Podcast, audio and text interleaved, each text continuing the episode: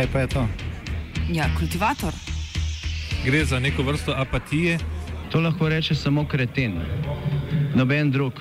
Socialni invalid in ga je ne mogoče urejati. Drugi kandidat.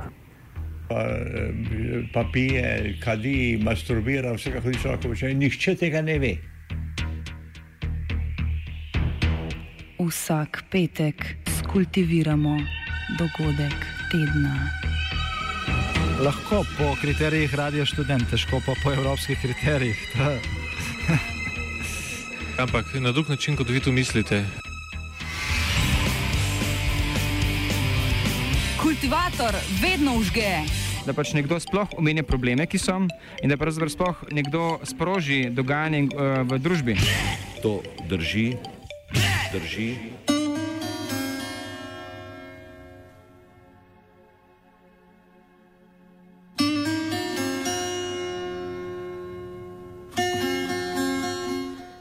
Samostojen iraški Kurdistan?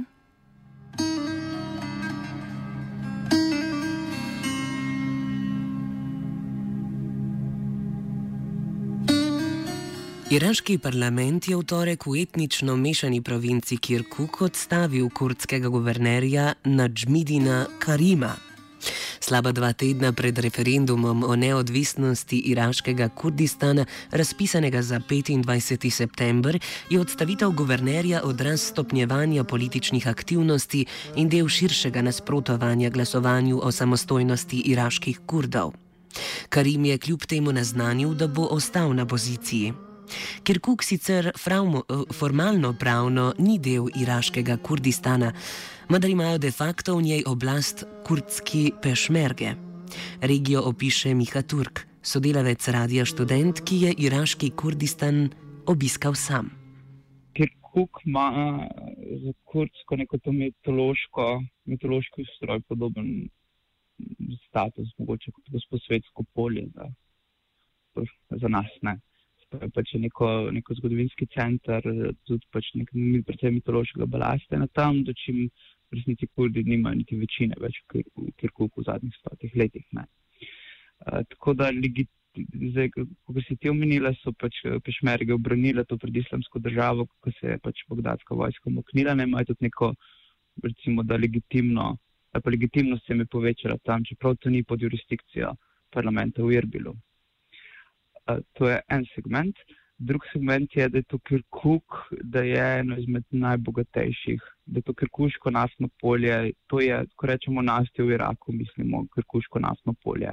In pa potem tudi severno proti Erbilu. In, če, in vsa geopolitična vrednost Iraka, če bi, če bi Kirkuk spadal pod Kurdistan, bi pravzaprav zelo, mislim, no, se, spet zelo velika podobnost kot z Južnim Sudanom. Ne, pač, ogromna, ogromna naravna sredstva in pač v tem severni del bi pač, ne vem, iščem primerjavo, no, ampak mogoče ta severna Italija tega ali pa, v glavnem večina, reži to, no, ampak večina um, naftnih rezerv bi bilo v, rak, v rokah kurdov. Ne.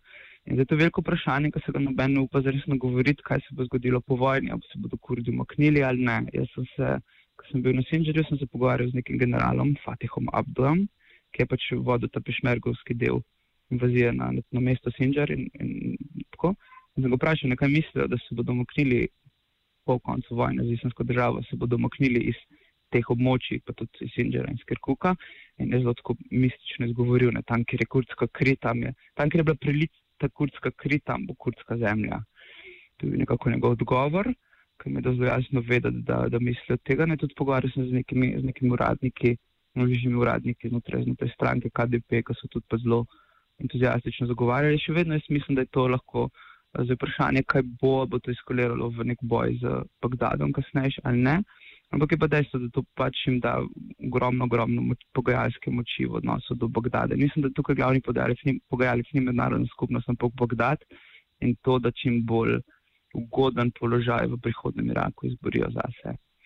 Uh, še en, ena stvar, ne vem, če ste bili pozorni, mislim, mislim, to malo spremljal, ko je bila invazija na Mosul. Ne, nekako, uh, dolgo časa so frontno črto okoli Mosula držali pešmerge, ampak zdaj, ko se je zgodila invazija na Mosul, so zelo zavezniške sile zelo držale nazaj pešmerge in so jim dovolili dostop samo do nekih krščanskih četrti in do nekih določenih predmestij, do čime glavnino invazije pač mogla iz, izvesti um, iraška vojska. Ne. In se mi zdi to, um, to deloma, da povrne ugled iraške vojske, pa z tega nekaj je že, že malo zaskrbljujoče za vse upletene, ne, da ta, ta neka strateška moč se, in ugled, mednarodni ugled, ki so, ki so jih uh, iraški kodi dobili, ne, da zna to precej um, destabilizirati regijo še v prihodnje. Ne, regijo še v prihodnje ne.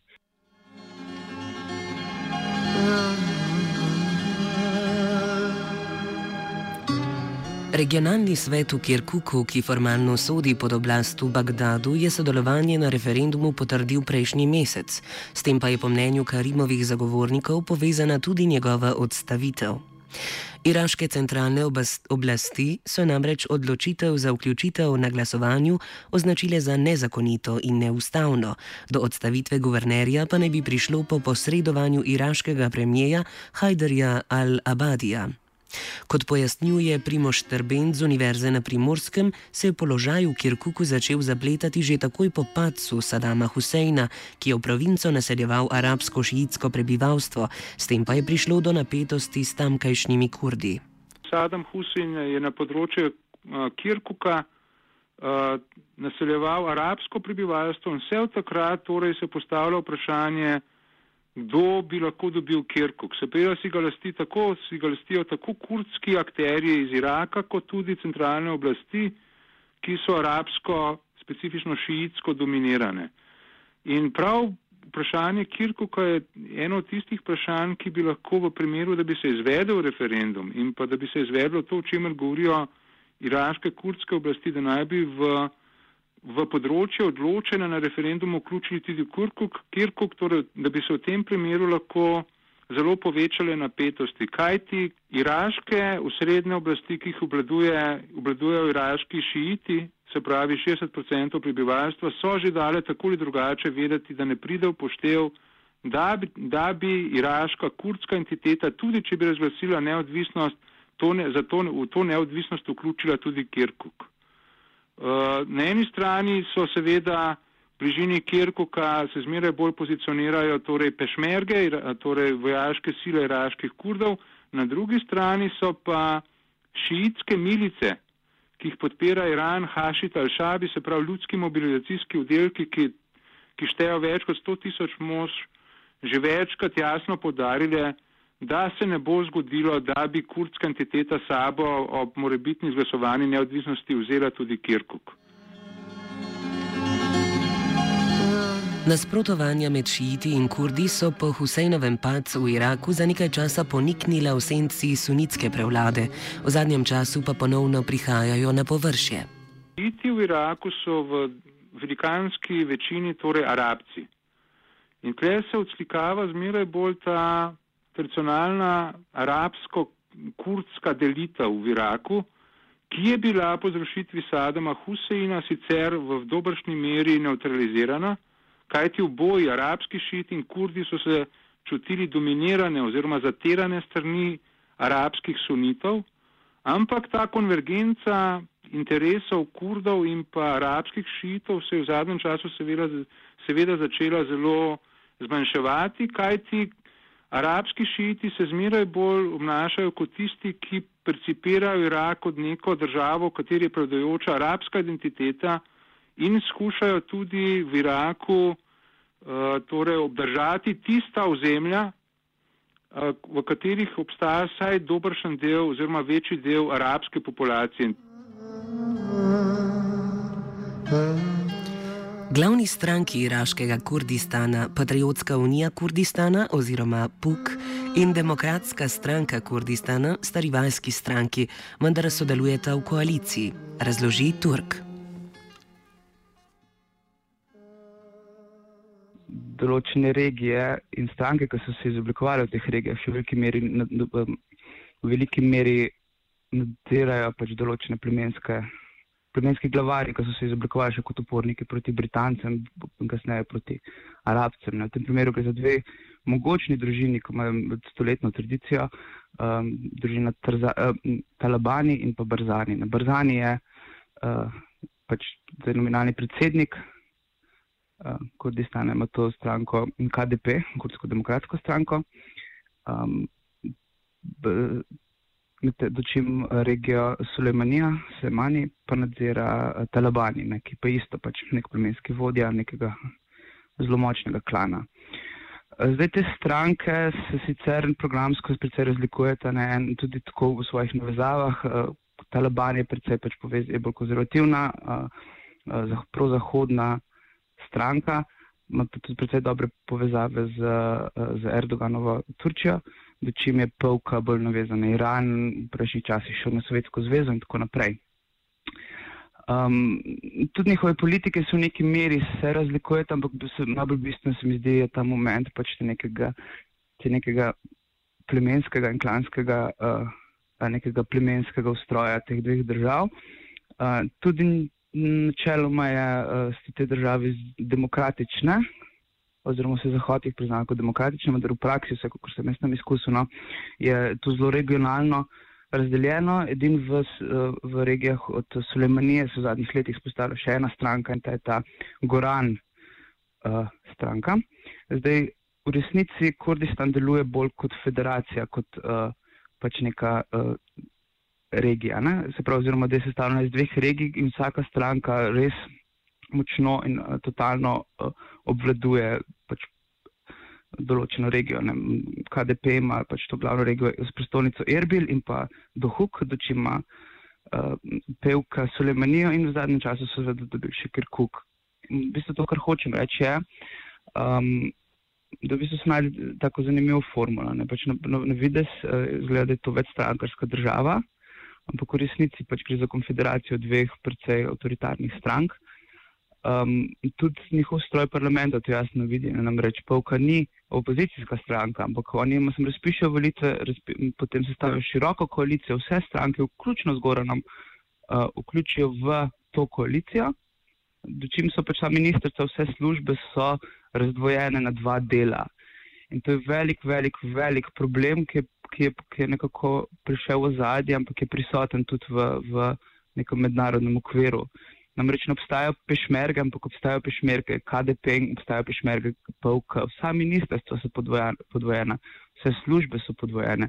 In v zadnjih letih so v resnici pešmerge iz, iz Sulemanije in Erbila večkrat bile v vojni med sabo, kot pa s kakšnim zunanjim sovražnikom.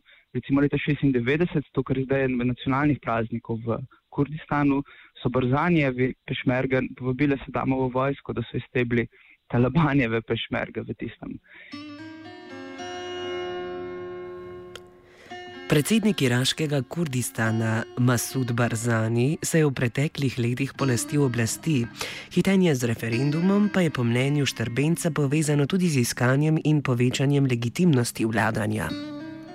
Ker Masud Barzani oziroma njegova družina, ki je uzurpirala dobršen del političnega vpliva oziroma institucionalne moči v Kurdistanu čuti, da, da, se, da nima prave legitimnosti več v iraškem Kurdistanu, da velik del strank in pa tudi prebivalstva, torej da jih nima, da jih ne obravnava kot legitimne politične oblastnike, ekonomski problemi se kupičijo in tako naprej. In kot, kot poznamo to, torej to vrstne procese iz zgodovine, ko neka oblast čuti, da nima legitimnosti, se veliko krat uprime, se pravi, nekih nacionalističnih projektov. Ne moramo govoriti o neki veliki politični reprezentativnosti, kajti Kurdska demokratska stranka predsednika Masuda Barzanija v bistvu deluje precej avtoritarno in je tako ali drugače uzurpirala nadzor nad vsemi pomembnimi vzvodi oblasti v uh, kurdskem delu Iraka. Še hujši problem ne mara je ekonomski, kajti potem, ko je ta kurdska entiteta v Iraku po letu 2003 naglo gradila paradržavnost oziroma utrjevala državne institucije, uh, v veliki meri na račun solidnih cen nafte, pa je v zadnjih treh letih, ko so cene nafte oziroma ko cena nafte na svetovnem trgu zelo padla, je to zelo prizadelo tudi se pravi kurdsko entiteto v Iraku in prizadelo jo do te mere, da stojijo projekti oziroma gradbišča, ki so jih odpirali v, v Sulemani oziroma v Erbilu, oblasti, oblasti ne morejo plačevati redno javnih uslužbencev oziroma plačila močno zaostajati. Prišlo je celo do tega, da, so, da je del borcev kurdskih oboroženih sil Pešmerk torej prebegnil, prebegnil oziroma se pridružil tistim beguncem, ekonomskim migrantom, ki so začeli pritiskati na Evropo.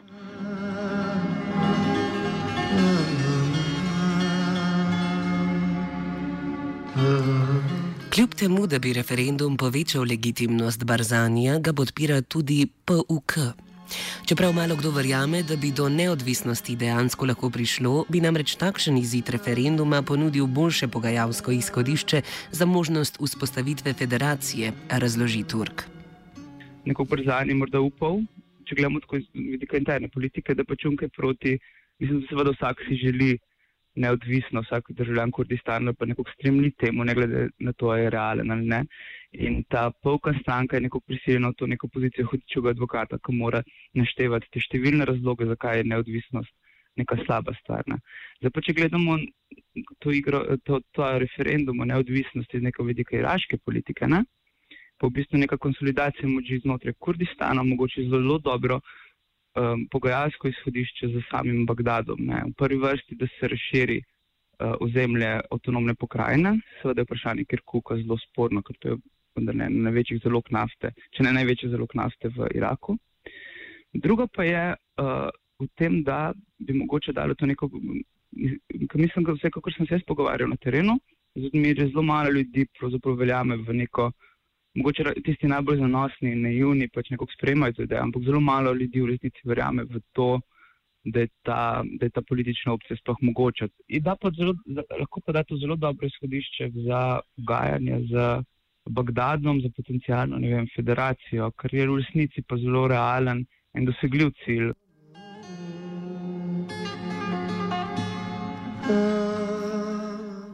Ob širokem nasprotovanju kurdski neodvisnosti pa mnogi referendum vidijo tudi kot taktično potezo, s katero skuša Barzani za iraški Kurdistan iztržiti čim več ugodnosti in koncesij.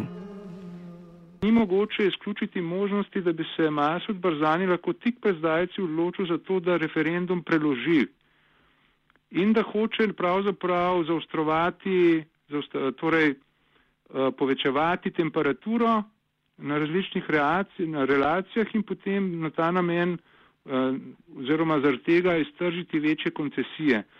To bi šlo morda lahko v smeri, da bi poskušal od iraških oblasti, ki, jih, uh, ki, ki so obladovane strani arabskih šiitov, iztržiti vsaj 17% uh, eh, torej proračunskega denarja, ki ga iraški Kurdistan prejemal še do pred dvema letoma, če ne še kaj več.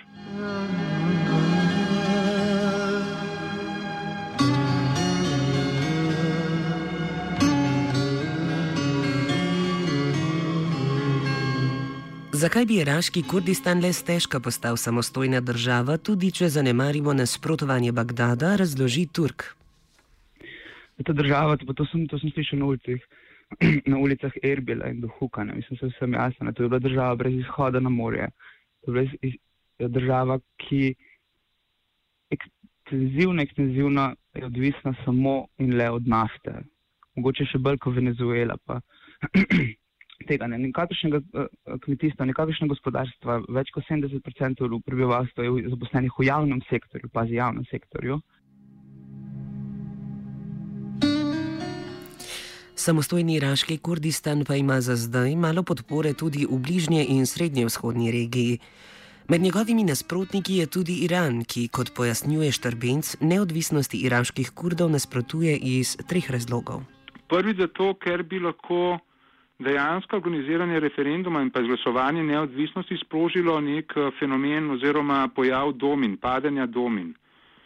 Eh, irredentistični pojav, ko bi, ko bi formalna neodvisnost iraškega Kurdistana začela spodbujati kurde v drugih sosednjih državah, da bi si najmanj, kar je mogoče reči, skušali pridobiti več političnih pravic oziroma se politično emancipirati.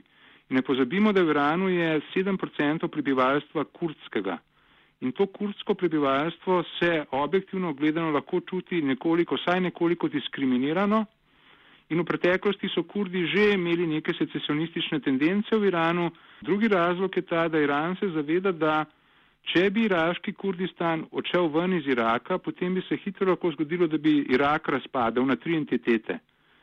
Torej, iraško-kurdsko, ki bi šla ven, potem pa na šiitsko in sunitsko.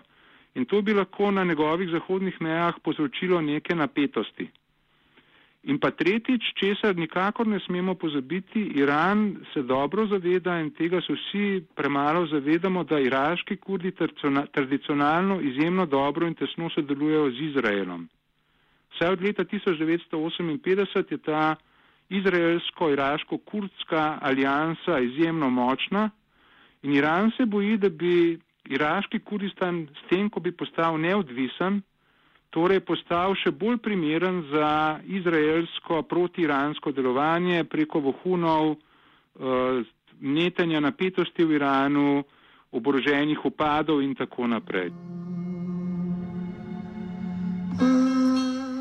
Nejevoljno na kurdski referendum gleda tudi Turčija.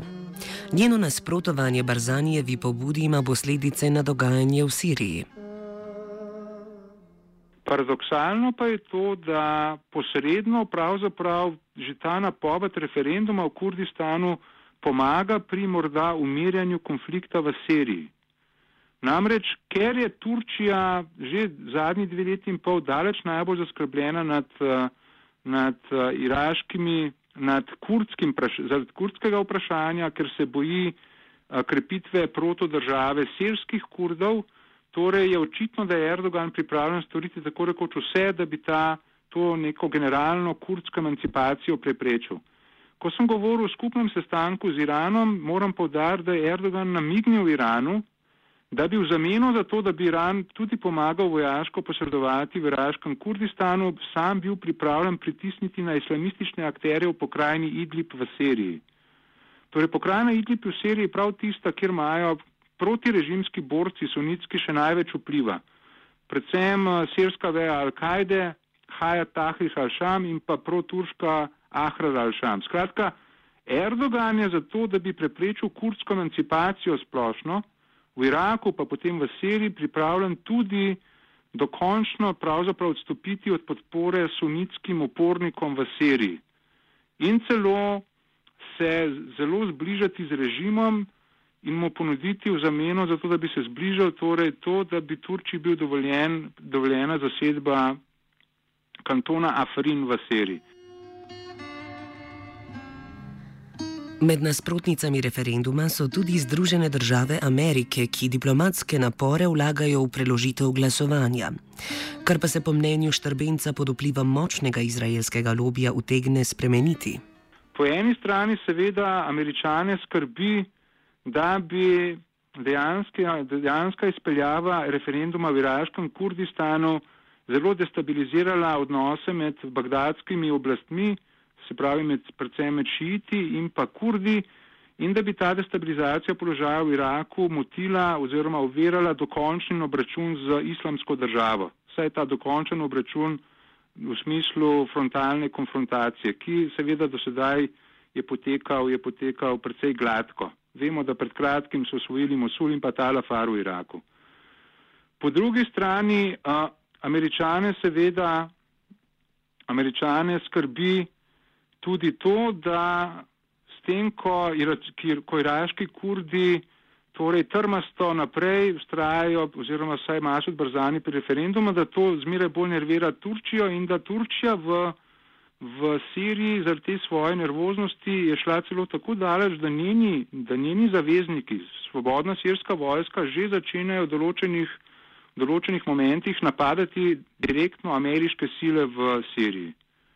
Torej, američani se zavedajo teh, ne, teh negativnih možnih posledic uh, iraškega kurdskega referenduma, po drugi strani Pa seveda je treba reči, da tisto, kar bo zmanjševalo pripravljenost ZDA, da bi pritisnili na iraške kurde, dejansko močno je to, da imajo v, v iraških kurdskih vojaških enotah pešmergah močnega zaveznika v boju proti islamski državi. In pa drugič, jaz ne bi izključil možnosti, da ko sva rekla, da Izrael podpira iraški Kurdistan v njegovi, njegovem prizadevanju za neodvisnost, ne pozabimo, da je za ZDA zelo močan proizraelski oziroma projudovski lobby in možno je, da, bo, da se bo ta vključil in začel zmanjševati, zmanjševati torej pritisk ZDA na iraške kurdske akterje. Izrael vsaj od 50 let prejšnjega stoletja je sledil oziroma sledi neki, neki politiki zavezništva periferije, ki je govorila o tem, da če je arabska soseščina Izraela sovražna do Izraela, se bo Izrael povezal s periferijo te arabske soseščine, to pomeni z nemuslimanskimi in nearabskimi uh, državami in z nemuslimanskimi in nearabskimi akterji. In med temi nearabskimi in nemuslimanskimi akterji je bil eden najpomembnejših zaveznikov Izraela vse od 50 let in to ustaja, torej iraški Kurdistan. Uh, to je razlog, da Izrael torej permanentno in pa kontinuirano podpira uh, torej iraške kurde. Drugi razlog je pa v tem, da jaz bi rekel, da že leta, v 80-ih letih prejšnjega stoletja je nek izraelski strateg oziroma analitik uh, po imenu Odeti Non predstavil načrt, v katerem je rekel, da Izrael ki je sicer teritorijalno majhna država na Bližnjem vzhodu, bi se lahko pozicioniral kot osrednja država Bližnjega vzhoda, če bi bila destabilizirana širša soseščina. Povedano drugače, če bi se destabilizirale močne arabske države v soseščini in sicer, če bi se razbile po religijski in etnični črti. Povedano drugače, Izraelu ustreza vsakršna napetost v, v soseščini, v Iraku, v Siriji, v Libiji, ker bolj ko narašča napetost, večje ko so, ko so uh, napetosti in konflikti med etničnimi in religijskimi različnimi akterji, bolj lahko Izrael se pozicionira kot neka močna in stabilna sila v samem osredju. Turk vidi razloge za izraelsko podporo Kurdistanu še drugje. V Izraelu živi nezanemarljivo število kurdskih judov, ki ohranjajo svojo kurdsko identiteto. Kot pori Kurdistanu pa pripomore tudi njegova trgovina z nafto. Ta povezava med uh, Iračani in uh, med uh, Kurdi in uh, Izraelci pač, uh, že, mislim, že, ima že dolgo, dolgo tradicijo. Na končni fazi gre za obe, v obeh primerih za neko marginalizirano ljudstvo na Bližnjem vzhodu. Uh, ki se uh, ki pač, uh, nekako kljubuje uh, v nekem morju arabcev. In, in, tako tudi uh, je zelo zanimivo, ne, da od vseh bližnjovzhodnih uh, židov, edino tisti, ki izhajajo iz, kur, iz kurdskih regij, pravzaprav nekako ohranjajo to dvojno identiteto židovstva in uh, ku, uh, recimo, neko kurdsko nacionalno identiteto. To velja tudi za ogromno količino. Uh, kurdskih židov v Izraelu. Ne. Mislim, da imajo neko mislim, da imajo kar veliko, veliko manjšino. Uh, zdaj, ti mislim, ti uh, odnosi so se nadaljevali že v zadnjih 20 uh, letih, ko je pač Kurdist, ko, ko je iraški Kurdistan na črno izvažal uh, nafto v, uh, preko Turčije ne, in glavni odjemalec je bil Izrael.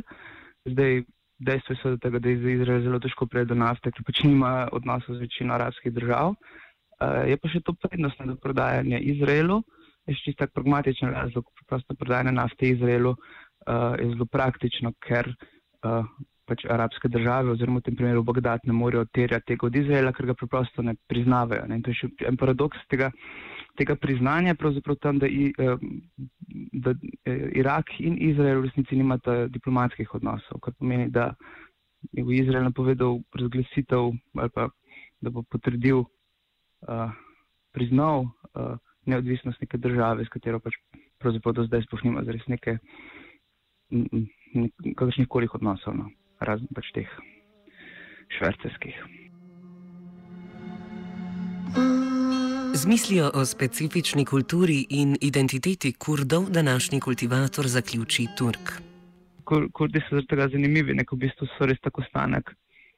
Res so tako stanek nekega tradicionalnega islama, v dobrem in v slabem. Ne. Do, dobrem s tem, da imaš še zmeraj neke take res, verjam, mislim, tak, taka luknja je ratela, no, vse v turškem Kurdistanu, vse v tem, ker KDP, uh, ker vlada pač eh, Brzani, veš, zelo, v bistvu, kozmopolitska družba, veš, pač imajo tam zatočišče in jezidi in, in uh, vse, no, zvan, mislim, vse na vides ali pa tako pač, veš, za te osnovne potrebe vseh verskih manjšin tudi gradijo, vlagajo ali pa so vlagali v cerkve in v te druge tistene. A veš, pa po drugi strani pa še imeli neskončno konzervativna družba, tudi z vidika arabcev. Mislim, da tam bral sem neko poročilo, da mogoče v Erbilu je 70% žensk obrezanih.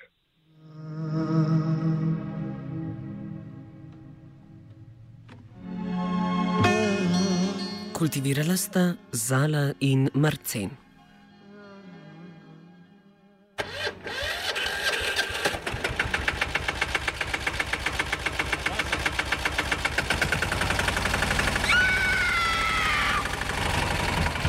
E, kaj pa je to? Ja, kultivator. Gre za neko vrsto apatije. To lahko reče samo kreten, noben drug. Socialni invalid in ga je ne mogoče urejati. Drugi kandidat. Pa, eh, pa pije, kadi, masturbira, vse kako ti človek počne. Nihče tega ne ve. Vsak petek skultiviramo dogodek tedna. Lahko po kriterijih radio študent, težko pa po evropskih kriterijih. Ampak na drug način, kot vi tu mislite. Kultivator vedno užge. Da pač nekdo sploh omenja probleme, ki so, in da pravzaprav sploh nekdo sproži dogajanje uh, v družbi. To drži, drži